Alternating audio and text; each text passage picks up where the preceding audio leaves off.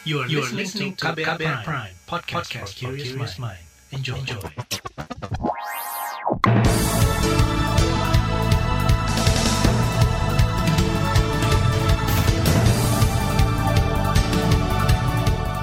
Selamat pagi saudara, senang sekali kami bisa menjumpai Anda kembali melalui program Buletin Pagi edisi Jumat 4 Desember 2020 bersama saya Sindu Darmawan. Sejumlah informasi pilihan telah kami siapkan di antaranya kasus positif COVID-19 di tanah air melonjak drastis, kontras desak pembentukan Komisi Kebenaran HAM, pasca teror kelompok Ali Kalora, warga desa Lembantongo Asigi belum berani pulang.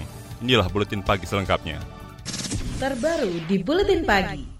Saudara Presiden Joko Widodo menginstruksikan seluruh jajaran di kementerian lembaga terus berupaya menghambat penyebaran COVID-19. Jokowi kembali mengingatkan pentingnya peran seluruh pihak untuk mengantisipasi gelombang kedua virus corona yang dapat berdampak kepada seluruh sektor. Kita harus tetap hati-hati, tidak boleh lengah, dan kita tetap harus disiplin menerapkan protokol kesehatan, waspada agar jangan sampai terjadi gelombang yang kedua yang akan sangat merugikan upaya dan pengorbanan yang telah kita lakukan. Kita harus fokus untuk bergerak ke depan, fokus pada upaya-upaya untuk keluar dari pandemi. Presiden Jokowi mengklaim saat ini kerja keras dari seluruh pihak mulai menampakkan hasil yang baik. Kasus aktif COVID-19 di tanah air sebesar 12,7 persen atau lebih rendah dari rata-rata dunia yakni 28 persen. Tingkat kesembuhan juga semakin baik yaitu 84 persen atau lebih baik dari angka kesembuhan rata-rata dunia, yakni 69 persen. Namun klaim Jokowi berbeda dengan kenyataan saat ini. Kemarin penambahan kasus COVID-19 memecahkan rekor tertinggi, yakni lebih dari 8.300 kasus. Papua, Jawa Barat, dan DKI Jakarta menjadi tiga provinsi penyumbang kasus terbanyak. Rekor baru penambahan harian kasus positif sebelumnya terjadi akhir November, yakni lebih dari 6.000 kasus. Secara akumulasi, jumlah kasus positif di Indonesia saat ini mencapai lebih dari 557 ribu kasus. Dari total jumlah itu, lebih dari 462 ribu orang sembuh dan lebih dari 17 ribu orang meninggal. Saudara Satgas Penanganan COVID-19 mengklaim pemerintah sudah menyiapkan skenario persiapan lonjakan kasus positif virus corona. Juru bicara Satgas COVID-19, Wiku Adhisa Smito mengatakan, Kementerian Kesehatan bakal meningkatkan kapasitas rumah sakit untuk mengantisipasi melonjaknya kasus positif. Jika terjadi kenaikan kasus sebesar 20 sampai 50 persen, maka pelayanan masih beroperasi tanpa perubahan apa pun karena pada dasarnya rumah sakit masih dapat menampung. Namun, jika terjadi kenaikan kasus sebesar 50 sampai 100 persen, maka fasilitas kesehatan akan menambah kapasitas ruang perawatan umum menjadi ruang perawatan COVID, bisa di dalam gedung ataupun lantai atau blok yang ada, sehingga bisa menambah kapasitas ruang rawat inap untuk COVID-19. Juru bicara Satgas COVID-19 Wiku Adhisa Smito menyatakan fasilitas daerah harus ditambah jika kenaikan kasus melebihi 100 persen. Misalnya dengan pendirian rumah sakit darurat. Pemda juga diimbau berkoordinasi dengan Satgas COVID-19 nasional bila mengalami kendala dan keterbatasan sarana prasarana. Sementara itu di Jawa Tengah, Gubernur Ganjar Pranowo mengklaim kapasitas rumah sakit masih cukup untuk merawat pasien COVID-19. Hanya saja dalam dua pekan ke depan, rumah sakit diminta menambah tempat tidur untuk ICU dan ruang isolasi. Ganjar juga menyiapkan ruang isolasi di sejumlah hotel, tempat diklat dan asrama haji. Sedangkan di Jawa Barat, Gubernur Ridwan Kamil menyebut rata-rata keterisian ruang isolasi di Bogor, Depok, Bekasi, Bandung Raya sudah mencapai 80 persen. Penambahan ruang isolasi dilakukan di rumah sakit daerah dan gedung yang ditunjuk lainnya. Sedangkan di Jawa Timur, enam rumah sakit rujukan COVID-19 di Malang Raya sudah terisi penuh. Gubernur Kofifa Indar Parawansa mempersiapkan rumah sakit darurat lapangan di Malang. Dan di DKI Jakarta, Rumah Sakit Darurat Wisma Atlet Kemayoran hingga Rabu lalu merawat lebih dari 3.000 pasien positif COVID-19. Pasien bergejala di Tower 4, 6, dan 7 mencapai lebih dari 2.400 orang, sedangkan 900 lebih pasien tanpa gejala dirawat di Tower 5. Peningkatan jumlah pasien terjadi sejak sepekan terakhir. Saudara Perhimpunan Rumah Sakit Seluruh Indonesia, Persi, menyatakan lonjakan kasus aktif COVID-19 di sejumlah daerah membuat fasilitas kesehatan terisi penuh. Sekretaris Kompartemen Jaminan Kesehatan Persi, Tonang Dwi Ardianto mengatakan, Jumlah kasus aktif di tiap daerah berbeda. Hal ini membuat keterisian ruang perawatan juga berbeda-beda. Jadi bukan sekedar penuh ruangnya, tapi sampai antri di IGD untuk uh, adanya tempat tidur bagi pasien COVID. Ini memang terjadi dan beberapa tempat sudah terbuka menyatakan di media massa memang di daerah kami rumah sakit untuk layanan COVID sudah penuh. Sekretaris Kompartemen Jaminan Kesehatan Persi Tonang Dwi Ardianto menyatakan sejumlah rumah sakit rujukan COVID-19 di daerah sudah terisi penuh oleh pasien. Kondisi itu bahkan terjadi sesudah dilakukan penambahan kapasitas hingga pembukaan ruang perawatan cadangan. Saudara pemerintah diminta menyiapkan infrastruktur fasilitas kesehatan tambahan untuk merawat pasien COVID-19.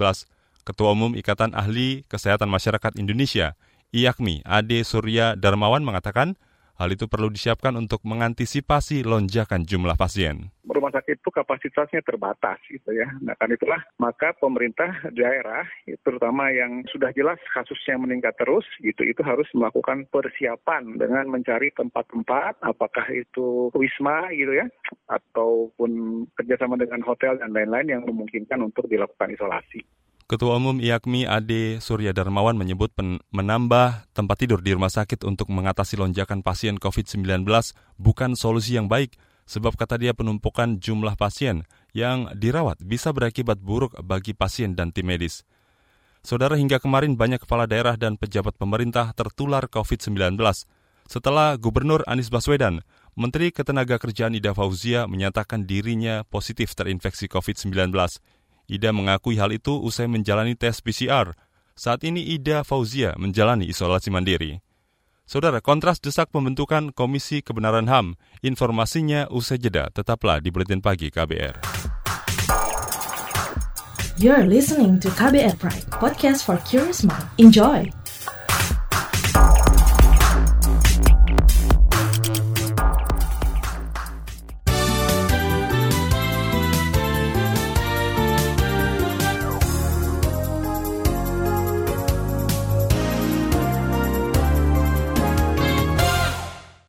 Saudara Komisi untuk Orang Hilang dan Korban Tindak Kekerasan Kontras mendesak negara membentuk Komisi Kebenaran. Staf Divisi Khusus, maksud kami, Staf Divisi Hukum Kontras, Teoria Preti, menyatakan komisi itu dibutuhkan untuk mengungkapkan kebenaran pelanggaran HAM di masa lalu. Hal itu juga menjadi hak para korban dan publik secara luas. Tapi gimana caranya masyarakat Indonesia mau pulih kalau kita nggak tahu kita pulih dari apa sih? Apa sih yang kejadian sebelumnya? Kita nggak tahu. Terus kalau kita nggak tahu ini pulih dari apa, ke depannya kita nggak tahu apa yang harus kita cegah untuk nggak kembali lagi ke masa lalu. Karena kita nggak tahu apa yang kejadian di masa lalu, informasinya nggak jelas, simpang siur. Ngomongin A, ditangkap. Ngom, uh, bikin buku tentang A, dibakar. Ada hal-hal yang kemudian jadi tabu untuk dibicarakan. Ini bukan sembuh namanya. Staf Divisi Hukum Kontras Teoria Priti menjelaskan keberadaan Komisi Kebenaran menjadi kebutuhan publik di antaranya untuk mengetahui sejarah rekam jejak dari masa suatu negara dan untuk mengklarifikasi peristiwa tertentu, termasuk membuka pembungkaman dan penyangkalan dari kasus kontroversial dan menyakitkan bagi banyak orang. Kontras mencatat, masih ada 13 aktivis HAM yang hingga kini masih hilang. Koalisi Advokasi Narkotika untuk Kesehatan mendesak pemerintah membuat aturan pemanfaatan ganja untuk medis. Desakan itu disampaikan usai PBB merestui rekomendasi Organisasi Kesehatan Dunia WHO untuk menghapus ganja dari golongan obat berbahaya.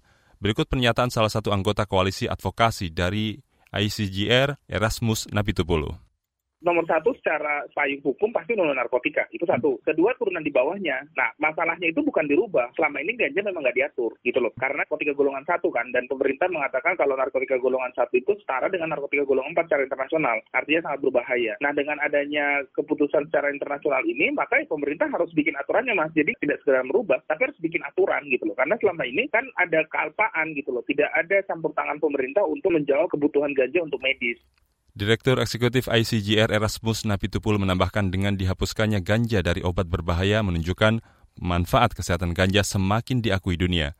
Selain itu, pemerintah juga perlu memperketat pengawasan melalui Badan POM dan Badan Narkotika Nasional agar tidak terjadi penyalahgunaan ganja di masyarakat. Kita beralih ke berita ekonomi.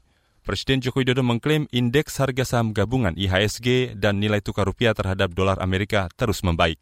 Jokowi menilai tren tersebut merupakan indikasi kepercayaan investor yang terus meningkat dan berdampak terkereknya perekonomian nasional.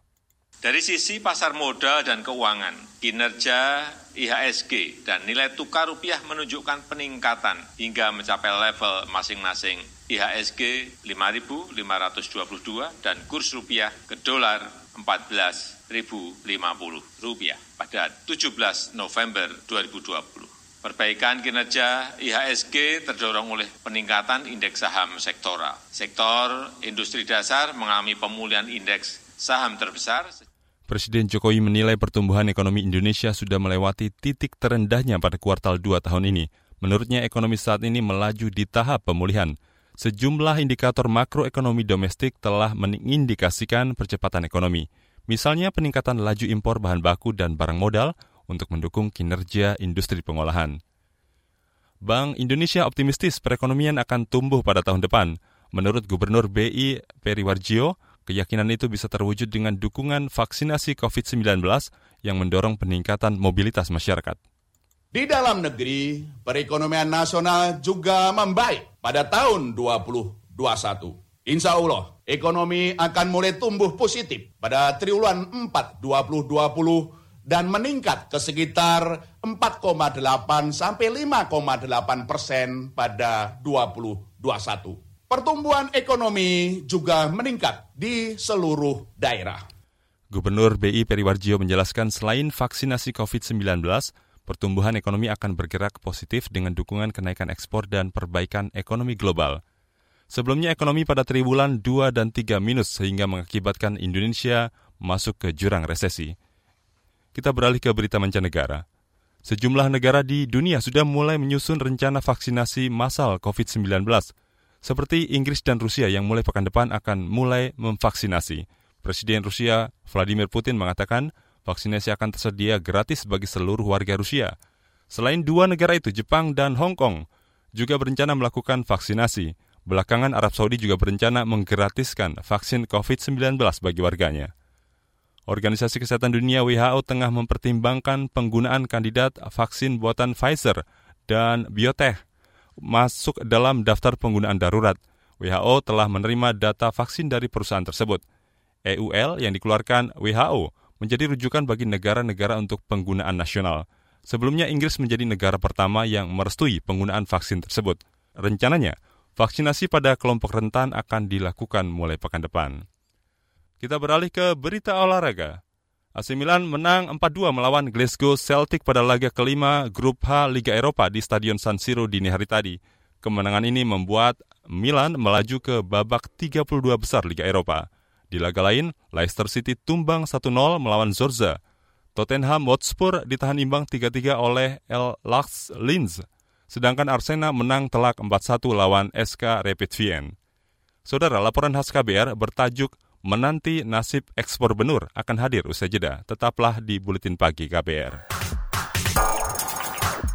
You're listening to KBR Pride, podcast for curious mind. Enjoy!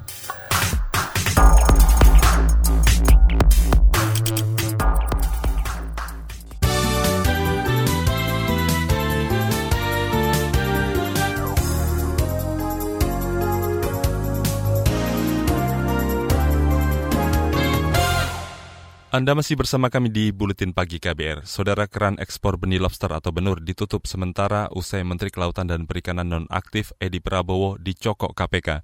Makin kencang desakan untuk kembali ke kebijakan era Menteri Susi Pujiastuti. Penghentian ekspor benur dianggap lebih menguntungkan nelayan dan lingkungan.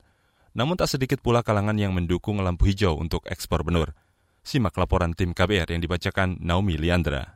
Nurholis dan nelayan lain di pantai Gerajagan Banyuwangi, Jawa Timur kini menganggur usai ekspor benih lobster atau benur diberhentikan sementara. Ini menyusul terkuaknya kasus dugaan suap monopoli ekspor benur yang melibatkan Menteri Kelautan dan Perikanan nonaktif Edi Prabowo. Imbasnya, nelayan seperti Nurholis tak lagi punya penghasilan. Yang diharapkan nelayan itu kan sebenarnya ekonomi nelayan itu tergantung dari lobster kalau memang lobster penangkapan bibit lobster itu tidak tidak ada lagi ya mungkin gimana ya nelayan itu agak gini ya ekonominya memang dibantu dengan bibit lobster. Eksportir benur Ahmad Tantowi juga mengeluhkan pemberlakuan kembali moratorium ekspor. Pemasukannya praktis mandek. oh ya tentu kita tidak bisa melakukan ekspor itu aja. Jadi mau ngapain nggak ada gitu. Kalau dampak tentu soal penghasilan jelas tidak ada jadi untuk persoalan ekspor benurnya ya benih ekspornya benihnya. Pengusaha di Nusa Tenggara Barat ini menyebut penghentian ekspor berpotensi memicu masifnya perdagangan benur secara ilegal. Jual beli di pasar gelap menguntungkan nelayan karena benur dihargai jauh lebih tinggi. Ini persoalan kebijakan pemerintah, mau tidak mau juga perusahaan dengan Vietnam pasti ya memahaminya. Justru mereka pasti akan berusaha secara ilegal. Dan memang kalau di lapangan itu justru lebih suka yang ilegal dari sisi keuntungan lebih besar. Aspirasi berbeda diteriakan sejumlah organisasi masyarakat sipil seperti Koalisi Rakyat untuk Keadilan Perikanan Kiara. Mereka mendesak ekspor benur ditutup permanen seperti di era Menteri KKP Susi Pujastuti. Pelegalan ekspor dinilai merugikan nelayan dan hanya menguntungkan segelintir orang. Sekjen Kiara Susan Herawati. Tidak ada basis argumentasi yang kuat kenapa permen ini dikeluarkan. Baik itu data sumber daya perikanannya gitu ya, baik itu siapa yang akan diuntungkan itu nggak pernah jelas waktu atau peta jalannya saja itu nggak pernah jelas buka. Jadi uh, ini syarat dengan kepentingan. Namun pemerintah mengisyaratkan bakal tetap mengizinkan ekspor benur. Kebijakan moratorium dilakukan untuk membenahi tata kelola ekspor benur agar sesuai aturan. Menko Maritim dan Investasi Luhut Panjaitan melalui keterangan tertulis mengklaim tidak ada yang salah dalam regulasi terbaru yang diteken oleh Edi Prabowo. Namun, ia mengakui ada mekanisme ekspor yang keliru sehingga menyeret Edi dalam pusaran korupsi. Adanya penyimpangan di level implementasi dibenarkan oleh Ketua Komisi Pemangku Kepentingan dan Konsultasi Publik KKP Effendi Ghazali. Menurutnya, ada eksportir yang memperoleh izin tanpa budidaya terlebih dahulu. Sedangkan dari sisi regulasi, kebijakan pelegalan ekspor benur diklaimnya sudah tepat semua peraturannya sudah kita buat dengan sangat detail Pak. Misalnya ya, kami mengusulkan bapak-bapak dan ibu eksportir ini itu belum boleh mengekspor tahun ini. Harus budidaya dulu dua kali panen. Artinya setidak-tidaknya lobster pasir yang itu mencapai 150 gram dalam enam bulan. Maka dibutuhkan dua kali enam bulan, satu tahun baru bisa melakukan ekspor benih lobster. Menurut Effendi, kebijakan lampu hijau untuk ekspor benur bermanfaat untuk menekan praktik penyelundupan. Ada penipuan besar yang sedang dilakukan oleh sekelompok penyelundup dan teman-temannya, ya, yang masih tetap menginginkan penyelundupan benih lobster itu terus berlangsung sampai saat ini, sehingga gangguan yang paling besar adalah kalau izin ekspor benih lobster ini dibuka. Perdagangan ilegal benur disebut tetap terjadi di era Menteri Susi yang menutup keran ekspor. Hal itu diungkapkan peneliti LSM anti korupsi ICW, Tama Langkun, sembari mengutip data Badan Pusat Statistik. Tahun 2019 ada nilai ekspor benih lobster itu 273 kg. Dari rekan-rekan pelaku usaha juga mengatakan soal indikasi penyelundupan selain dari soal masalah penentuan kuota yang menurut kita fungsi pengawasannya kemudian kita pertanyakan, padahal kita ketahui bersama zaman Bu Susi menjadi menteri dia melarang ya dengan peraturan menterinya. Menurut Tama, aturan ekspor benur yang baru sebenarnya sudah mencakup instrumen persiapan tata kelola dan pengawasan. Namun pelaksanaannya di lapangan bermasalah. Misalnya dalam peraturan Menteri Kelautan dan Perikanan, itu misalnya pasal 3 ayat 1 dia bilang mensyaratkan bahwa kuota dan lokasi penangkapan dan pengeluaran benih lobster didasarkan pada kajian Komnas Kajiskan. Nah yang seperti ini seperti ini itu kan sebetulnya salah satu hal yang baik ya untuk melihat sebetulnya secara tata kelola ini sudah disiapkan instrumen-instrumen agar upaya-upaya penentuan dari kuota dan lain sebagainya itu bisa lebih baik. Demikian laporan tim KBR, saya Naomi Liandra. Informasi dari daerah akan kami sajikan usai jeda. Tetaplah di Buletin Pagi KBR. Commercial break. Commercial break. Anggota komunitas Be Home, Laras, memberi semangat kepada teman-teman Broken Home untuk berprestasi.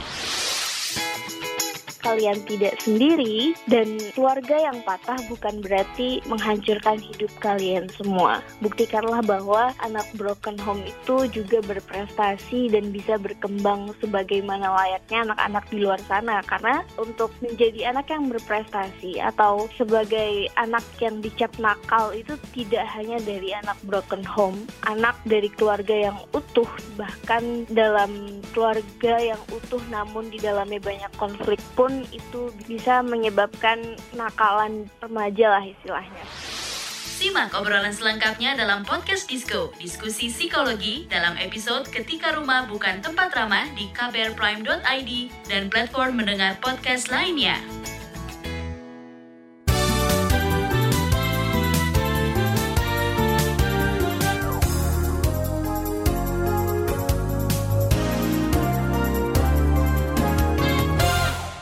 Inilah bagian akhir Buletin Pagi KBR. Saudara warga desa Lembantongoa Sigi, Sulawesi Tengah masih takut kembali ke rumahnya pasca pembunuhan yang dilakukan kelompok Mujahidin Indonesia Timur. Ketua Komnas HAM Sulawesi Tengah, Dedi Askari, mengatakan 100 keluarga memilih mengungsi ke rumah sanak keluarganya mereka di dusun lain masyarakat yang tinggal di Dusun 5 Tokelemo di tempat kejadian perkara itu belum di belum diizinkan kembali menempati rumah-rumah mereka. Dan kalaupun toh diminta untuk kembali, sementara mereka masih menolak dan mereka masih merasa nyaman tinggal di rumah saudara-saudara mereka di uh, desa Lembang Tomoa pada kawasan padat perumahan. Dedi Askari menambahkan Komnas HAM Sulawesi Tengah terus memantau respons pemerintah dalam mengatasi teror tersebut. Dedi Askari mengkritik minimnya fasilitas sarana telekomunikasi di lokasi peristiwa dan sekitarnya. Saudara Jumat pekan lalu, kelompok Mujahidin Indonesia Timur pimpinan Ali Kalora diduga membunuh empat warga dan membakar tujuh rumah. Berdasarkan keterangan saksi, pelakunya diperkirakan delapan orang. Sekitar 10.000 warga Kabupaten Duga, Papua yang mengungsi ke berbagai daerah sejak 2018 ingin kembali ke kampung halamannya. Pengungsian berawal dari pembunuhan belasan pekerja Jalan Trans Papua pada 2 Desember 2018. Menurut relawan pengungsi Nduga, Raga Kogeya, para pengungsi bersedia kembali jika ribuan aparat keamanan yang ada di sana ditarik. Kami punya harapan yang masyarakat yang pengungsi maupun saya itu tarik kembali pasukan supaya masyarakat pengungsi kembali pulang. Jangan menambah terus di Papua sini lebih khusus juga itu. Itu 12 distrik ini sudah memang betul di pos mereka pos nyata ini. Itu dikuasai oleh militer. Keseluruhan juga ini memang lumpuh, tapi orang Papua lain itu diam karena jabatan. Orang Papua lain itu tidak peduli dengan kami. Saudara relawan pengungsi Nduga Raga Kogea mengatakan selama dua tahun hidup di pengungsian, warga Nduga menghadapi berbagai persoalan, mulai dari kesehatan, pendidikan anak-anak hingga kebutuhan makanan. Mereka juga tak leluasa membuka lahan karena menghindari konflik dengan warga setempat. Masih terkait bumi cendrawasih, pemerintah menyatakan deklarasi kemerdekaan Papua Barat oleh pimpinan Gerakan Persatuan untuk Pembebasan Papua Barat, Beni Wenda, merupakan tindakan makar. Menko Polhukam Mahfud MD menegaskan akan menindak Beni Wenda beserta para pengikutnya sesuai aturan hukum. Dia telah mengajak melakukan makar dan pemerintah menanggapi itu dengan e, minta Polri melakukan penegakan hukum. Karena makar itu kalau skalanya kecil, itu cukup gakum penegakan hukum. Kriminal tangkap menggunakan pasal-pasal tentang kejahatan terhadap keamanan negara. Saudara sebelumnya pimpinan Gerakan Persatuan untuk Pembebasan Papua Barat, Beni Wenda, mengklaim diri sebagai Presiden sementara Republik Papua Barat. Kita ke soal lain, Komisi Pemberantasan Korupsi KPK menangkap Bupati Banggai Laut, Sulawesi Tengah, Weni Bukamu Kamis kemarin. KPK belum menjelaskan kasus dugaan korupsi apa yang membuat Beni ditangkap, Weni ditangkap.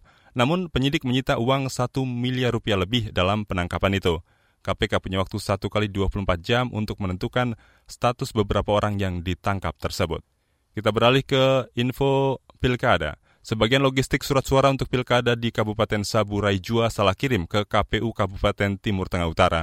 Koordinator Divisi Pengawasan Bawaslu NTT, Jemris Fointuna mengatakan jumlah surat suara yang salah tujuan pengiriman tidak banyak. Saudara informasi tadi menutup jumpa kita di Buletin Pagi KBR hari ini. Pantau juga informasi terbaru melalui kabar baru, situs kbr.id, Twitter kami di akun @beritaKBR serta podcast di alamat kbrprime.id. Akhirnya saya Sindu Darmawan bersama kerabat kerja yang bertugas undur diri. Salam.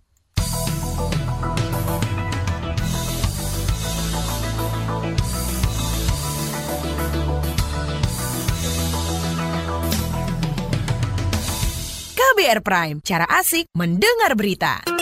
KBR Prime, podcast for curious mind.